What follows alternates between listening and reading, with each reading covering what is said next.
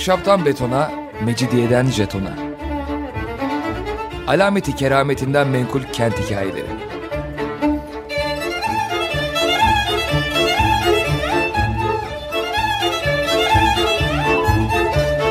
Hazırlayan ve sunan Pınar Erkan.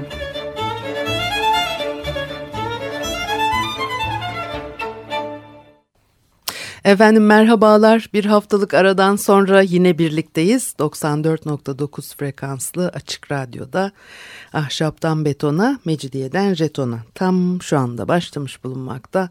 Anlatıcınız ben Pınar Erkan. Elektronik posta adresim pinarerkan.yahoo.co.uk Bakalım bugün programımızda neler var. E, sarayları çok konuştuk ama Yıldız Sarayı'ndan neredeyse hiç bahsetmedik. Dolayısıyla bugün bir parça Yıldız Sarayı'ndan ama daha çok da Şale Köşkü'nden e, söz etmek istiyorum. E, ülkeye gelen yabancı misafirlerle özellikle e, bağlantısı var. Bir de hani o şehir kurgusu içerisinde de enteresan bir yeri var. E, Feryal İrez Vahide Gezgör'ün çalışmasından da faydalandık onu da söyleyeyim.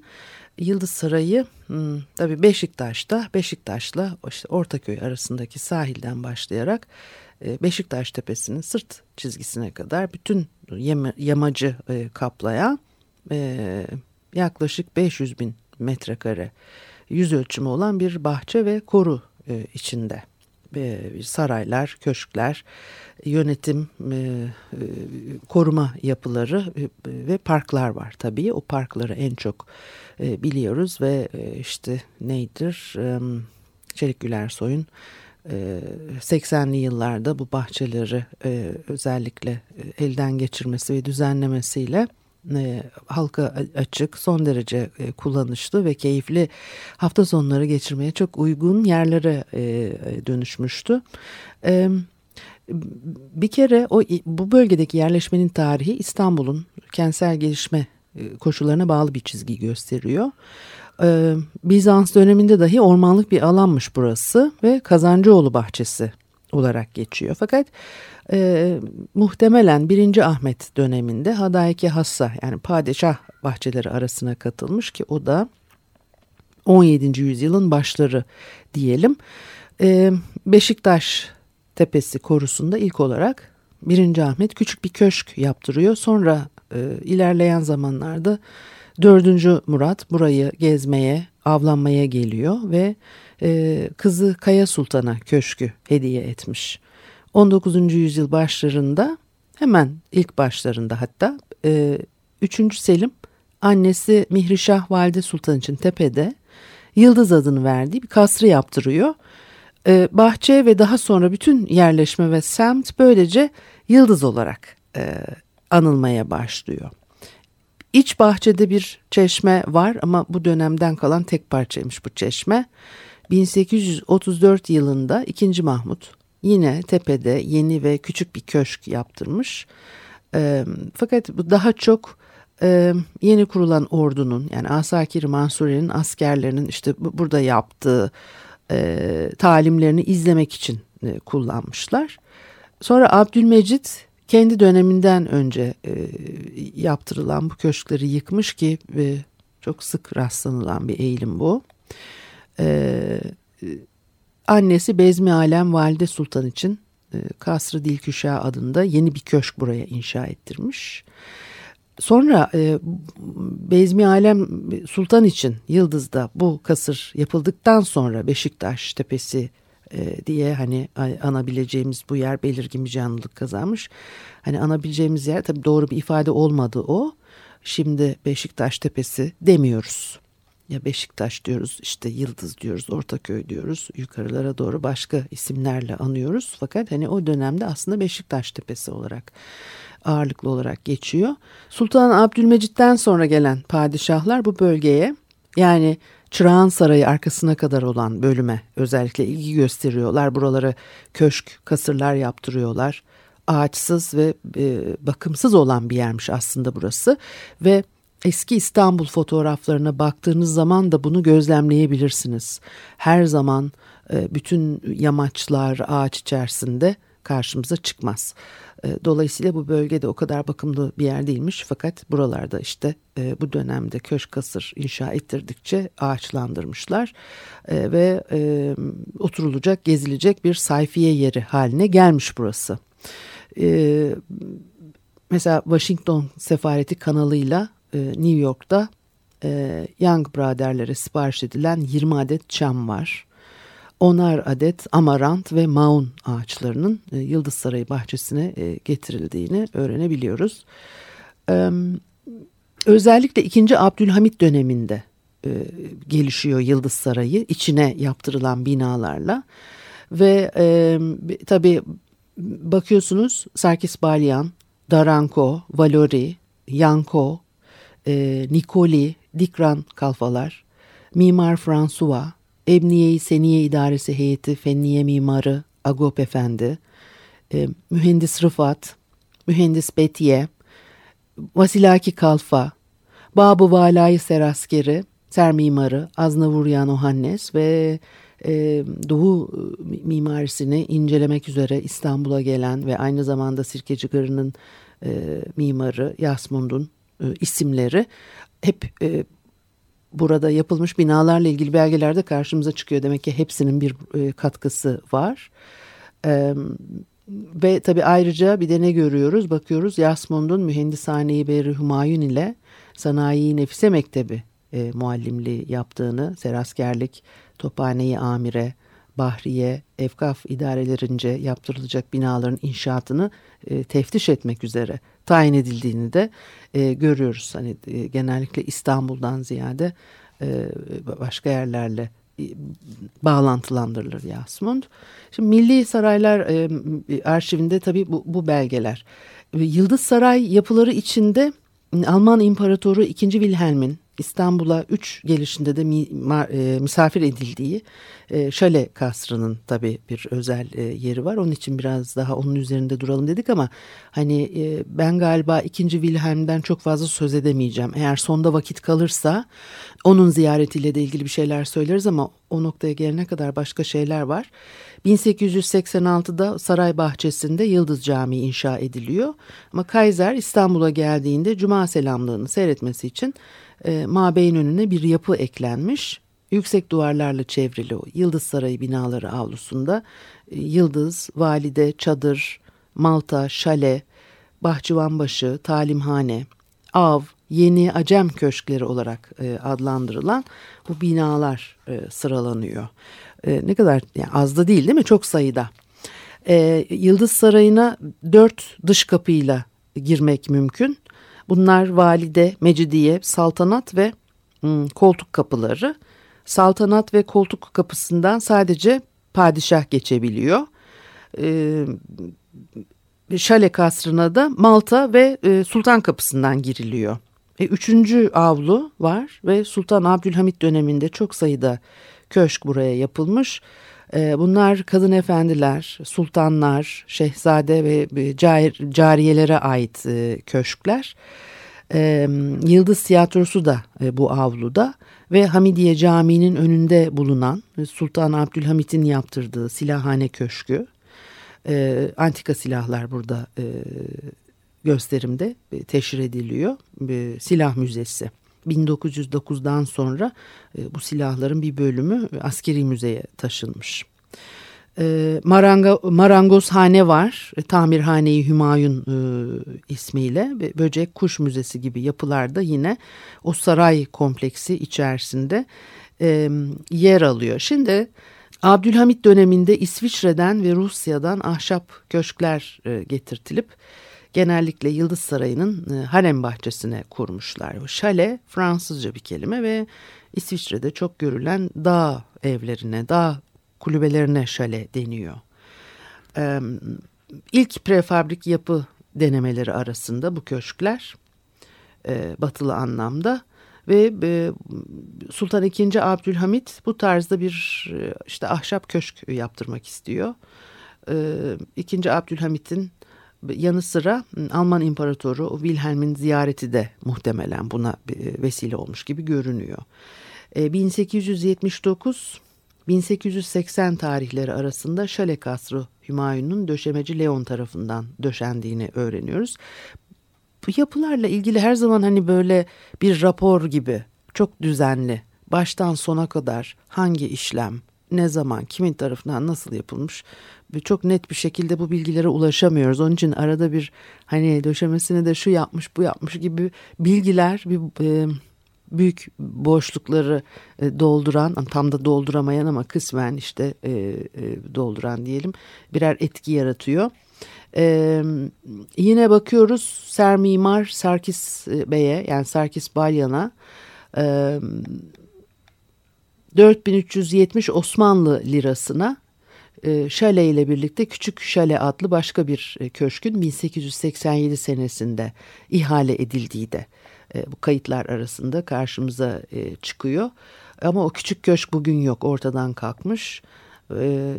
Daha önce Yıldız Sarayı Harem Bahçesi'ndeki havuzun önünde inşa edilmiş bir halde bulmak mümkünmüş. Şimdi e, bu dönemde çıkmış olan yabancı bir e, gazeteden öğrendiğimize göre e, hani binanın önünde merasim merdivenlerinden çıkınca e, bir galeriyle karşılaşıyorsunuz. Orkestraya tahsis edilmiş bu e, e, galeri o, ve köşkün e, elektrikle aydınlanması için düşünülen bir tesisat 1898 yılında bir e, firma tarafından yapılmış.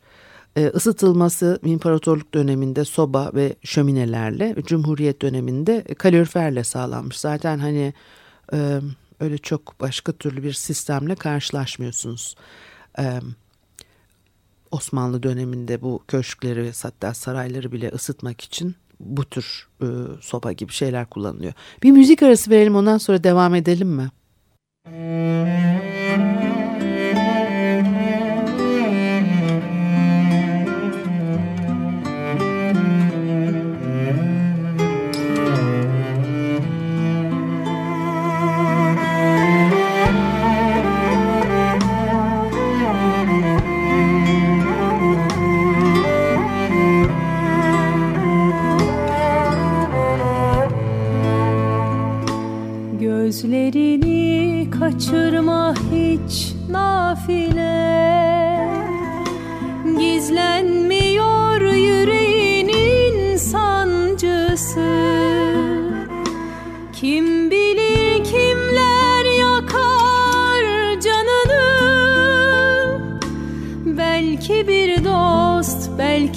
bir aşk hikayesi. Kim bilir kimler yakar canını? Belki bir dost, belki bir aşk hikayesi. Sen yine gel içini dök. Konuşalım sabaha dek. Yaraların gece çıkar. Ne hikmetse hep acısı. Bir düşersin bir kalkarsın. Yorulur mu deli yürek? Azalır hiç aynı kalmaz iç acısı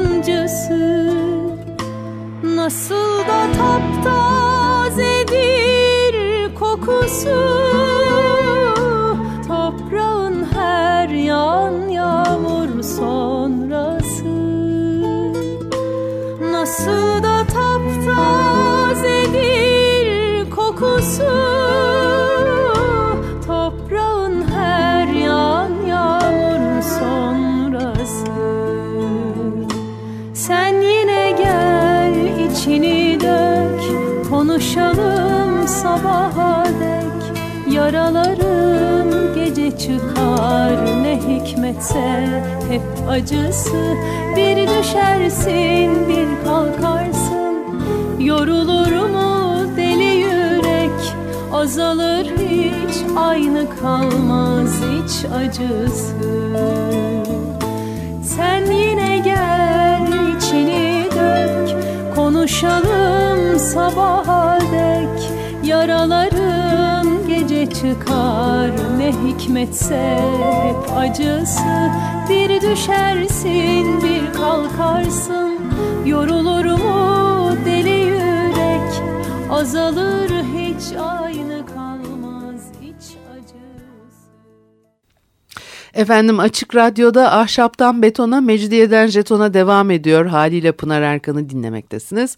Şimdi biraz Yıldız Sarayı'ndan ve Şöle Köşkü'nden e, söz ettim. Biraz da e, işte Şöle Köşkü'nün içinde bir düzenleme işte orkestradan falan söz ettik ama asıl e, şimdi bu noktadan sonra hani biraz size söz etmek istediğim şey e, Abdülhamit e, tahttan indikten sonra bakıyorsunuz e, Selanik'e gönderiliyor ve orada e, oluşturulan bir takım heyetler var. Sarayda sayım yapmak üzere e, görevlendirilmişler ve Şehremeni Hazım Bey, Müzeler Müdürü, Halil Edhem Bey, Hasan Tahsin e, bunun gibi kimseler e, ilk olarak Mabeyin Dairesi'nin kapısı sonra da e, Şale Köşkü mühürleniyor. Sayım yapacaklar, envanter çıkaracaklar nerede ne var filan diye e, ve e, yüz binleri aşan sayıda eşya her birinin üzerine etiket konmuş.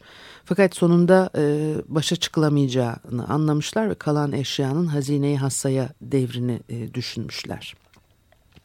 E, e, hani enteresan süreçler yaşanıyor e, bu dönemlerde e, köşkün oda ve salonlarının döşemesi zamandaki e, durumunu muhafaza edememiş maalesef. 1909 yılında şalede odalarda bulunan gümüş şamdan, kibritlik, tabla gibi gümüş eşyalar ile e, tabloların çoğu Dolmabahçe Sarayı'na e, alınmış ve tabii e, bu dönemde bakıyorsunuz işte e, numaralandırılır, e, numaralandırılmış e, odalar. Bu odaların da her birine birer de isim verilmiş. E, aslında e, Şale Köşkü'nün en göz alıcı salonlarından biri Sedefli Salon. E, ve eskiden e, ziyafetler için kullanılıyormuş bu oda. İşte böyle sedef kakmalı kapısı, dolap kapakları Çırağan Sarayı'ndan getirilmiş. Dokuz pencereli dört kapılı bir salon, tavanı geçmeli yıldız motifleriyle bezenmiş filan böyle. E, baktığınız zaman tabii son dönem yapıları olduğu için bunlar daha eski dönemlere ait olan yapılardan daha e, e, bezemeler itibariyle filan daha süslü, daha göz alıcı. Çünkü işte o batı etkisi başlıyor. Artık bu, bu çoktan başladı ve onun etkisiyle tabii hmm, daha e, şatafatlı iç bezemeleri e, odaların e, düzenlenmesi ve dış cephelerdeki bezemeler falan baktığınız zaman öyle bir şeyler karşımıza çıkıyor. E, bu odanın asıl eşyası olan yemek masası ve e, sandalyeleri bugün Beylerbeyi Sarayı Selamlık Yemek Odası'ndaymış.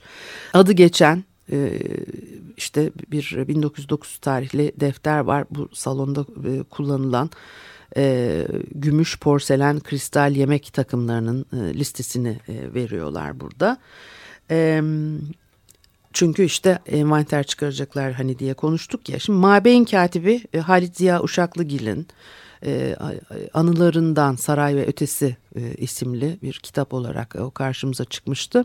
E, diyor ki 2. Abdülhamit tarafından inşa ettirilen e, bu kasrın eşyasıyla ilgili bize bir şeyler söylüyor. Diyor ki Abdülhamit'in lehine kaydolunacak bir hakikattir ki o kendi sarayını süslemek için mesela Dolmabahçe'nin Beylerbeyi'nin pek kıymetli eşyasına asla dokunmak istememiştir. Zaten yıldız binalarının nispeten daracık, küçücük dairelerine o iki sarayın hakikaten pek şahane olan muhteşem eşyası çok ağır gelirdi. Fakat merasim dairesini hemen gelmek üzere bulunan Almanya İmparatoruna layık addedilebilecek bir derecede süsleyebilmek için çırağının eşyasına hatta sedef kalkmalı kapılarına kadar müracaatı haklı saymıştı diyor. Çünkü bu dönemde ciddi sıkıntılar var, maddi sıkıntılar var ve e, şimdi biraz sonra söyleyeceğim. E, dışarıdan e, misafir ağırlarken yurt dışından gelen yabancılar ki bunlar yani tabii hep e, üst düzey e, imparator, imparatoriçe işte prensler filan ciddi sıkıntılar çekiyorlar aslında. Oradan kaynaklanıyor bir saraydan başka saraya bir eşya taşımak. Ee, ve 2. Abdülhamit Şale Köşkü'nü aynı zamanda Yıldız Çini Fabrikası ürünlerini teşhir etmek için gerekli olan mekan olarak da ayırmış. Batıllaşma çabaları ve bir özen e, tabii yine 19. yüzyıl sonlarında e, Osmanlı sarayında yabancı misafirlerin e, güçlükle ağırlanabildiğini e, o belgelerden tabii öğreniyoruz. E, Sultan Abdülaziz döneminde Fransa İmparatoriçesi Eugenie İstanbul'u nasıl ziyaret etti? Daha önce bazı programlarda konuşmuştuk ama şimdi başka o zamanlar konuşmadığımız bazı şeyleri söyleyeceğim. O yani İmparatoriçe Eugenie, Avusturya İmparatoru, Prusya veliahtı İstanbul'a e, geliyorlar. Hep beraber gelmiyorlar da işte gelecekleri zaman onlar gelmeden önce sarayda hazırlıklar yapılıyor ve Sultan II. Abdülhamit döneminde yine Alman İmparatoru e, ve eşiyle beraber İstanbul'a geliyor. Onlar için e, yapılan e, hazırlıklar. E, bir kere öncelikle Beylerbeyi Sarayı'nın e, döşenmesinde çok özenli davranıldığını e, görüyoruz. Odaları diğer e, mahallelerin hmm, mahallerin mahallelerin değil tabii ki e, tavanları ağır yaldızlı kalemkari bir e, bezemeyle e, süsleniyor. E, ve bunun için de özellikle emir vermiş. Mesela diyor ki Beylerbeyi Sarayı tavan süslemeleri hakkında kontrato filan diye e, geçiyor bu bilgiler. E, Sultan Abdülaziz'in o Beylerbeyi Sarayı'nın ım, süslenmesiyle çok yakından ilgilenmesi filan tabii ve örnekler de gösteriyor. E, tezinatın daha güzel yapılmasını istemesi. Tavan, duvar resimlerinin eskizlerini kendisi çiziyor filan bakıyorsunuz ve resmedilmesi için Avrupa'dan ressamlar getirtiyor. Bu saraya çok önem verdiğini anlıyoruz ve daha renkli, daha zengin bir bezemeye sahip e, Beylerbeyi Sarayı'nın avizelerinde mesela bir e, farka hemen algılıyorsunuz. Dolmabahçe Sarayı'ndaki avizeler genellikle düz beyaz kristalden, Beylerbeyi'ndekilerse renkli kristalden. Hemen e, dikkat çekiyor ve Avrupa'da yap, Avrupa'ya yaptığı e, geziden döndükten sonra oradaki zi, zi, ziyafetlerde e, ve e, saraylarda gördüklerinin artık Osmanlı saraylarında da uygulanması gerektiğini e, düşünüyor. Fakat Osmanlı saraylarında Avrupa saraylarındaki bir hizmetkarlar ayarında veya Avrupalıların yaşam ve protokol düzenine göre hizmet usullerini bilen personel yok. E, dolayısıyla krallar, kraliçeler, e, haneden mensuplarının hizmet işlerinin nasıl yapılacağı da bir mesele olarak tabii görülüyor. Bakıyorsunuz e, aşçılar, şekerlemeciler Fransa'dan e, getirtilmiş Öjen'i gelirken. Sofracı başı Marco Paris'e gidip gelmiş. O misafirler için piyasadan sofra takımları kiralanmış. Mutfak hademesi için e, bone, bornoz, ceketler alınmış ve sofra hizmeti yapacak hademeler için terzi Lori'ye 40 takım elbise yaptırılmış. Ve bütün bunların yanı sıra Fransa İmparatoriçesi, Avusturya İmparatoru ve Prusya Veliahtının İstanbul'a gelmeleri sebebiyle 5 adet atlas yorgan, kahve değirmeni, saç mangal, kahve dolabı, imparatoriçenin odası için tül, yatak örtüsü etrafında konulacak saçak, yine e, imparatoriçe için 21 çift terlik, 12 takım karyola, e, başka eşyalarla beraber Beylerbeyi ve Beşiktaş sarayları için Marco tarafından mutfak ve e, kiler eşyaları, hademeler için 40 çift kundura, bunun gibi şeyler satın alınmış e, ve tabii bunlar hep e, belgeleniyor. E, bakıyorsunuz e, paha biçilmez e, kumaşlar padişah tarafından işte e, Beylerbeyi Çırağan saraylarının birer e, maketi m, armağan edilmiş İmparatoriçe e, Öjeni'ye başka şeyler de armağan ediyorlar. O da Sultan Abdülaziz'e pırlantalarla süslü bir e, çerçeve içinde resmini vermiş. Şimdi burada başka enteresan olan şey 42 yıl sonra 1911 Temmuz'unda 85 yaşındayken tekrar İstanbul'a geliyor İmparatoriçe Öjeni ve Beylerbeyi Sarayı'nı bir kez daha görmek istiyor. E, belgelerde geçtiğine göre deniyor ki bu öyle fevkalade bir hadiseydi ki bütün saray alt üst oldu ve kendisini çocukluğunda görmüş olan hünkâr da bu kadını o hali e, hareminde görmeye taalluk gösterdi. Bizler kendisini Dolmabahçe'nin rıhtımında istikbal ettik. Kendisine layık olan ihtiramat ile padişahın huzuruna ishal olundu. Öjeni İstanbul'a ilk seyahatinde pek küçük bir çocuk olarak tanıdığı Yusuf İzzettin'i de görmek arzusunu e, belirttiğinden bu mülakat esnasında o da bulundu. Mülakat pek samimi geçti. İmparatoriçe çocukluklarını tanıdığı bu iki zatı 40 sene sonra görünce ne düşündü, ne duydu. Bu sarayın merdivenlerini, divanhanelerini geçerken kalbini neler burktu bunu keşfetmek mümkün değildir. Fakat giderken rıhtımda sandalına binerken daha ziyade yaşlanmış, daha fazla çökmüş gibiydi.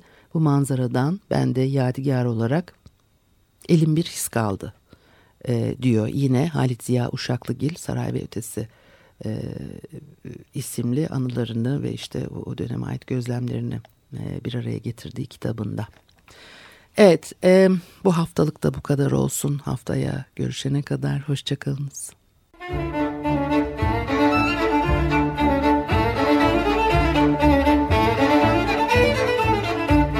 Ahşaptan betona, mecidiyeden jetona. Alameti kerametinden menkul kent hikayeleri.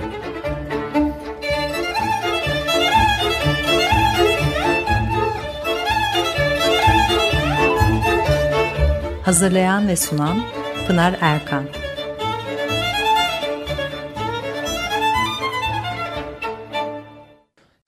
Açık Radyo program destekçisi olun.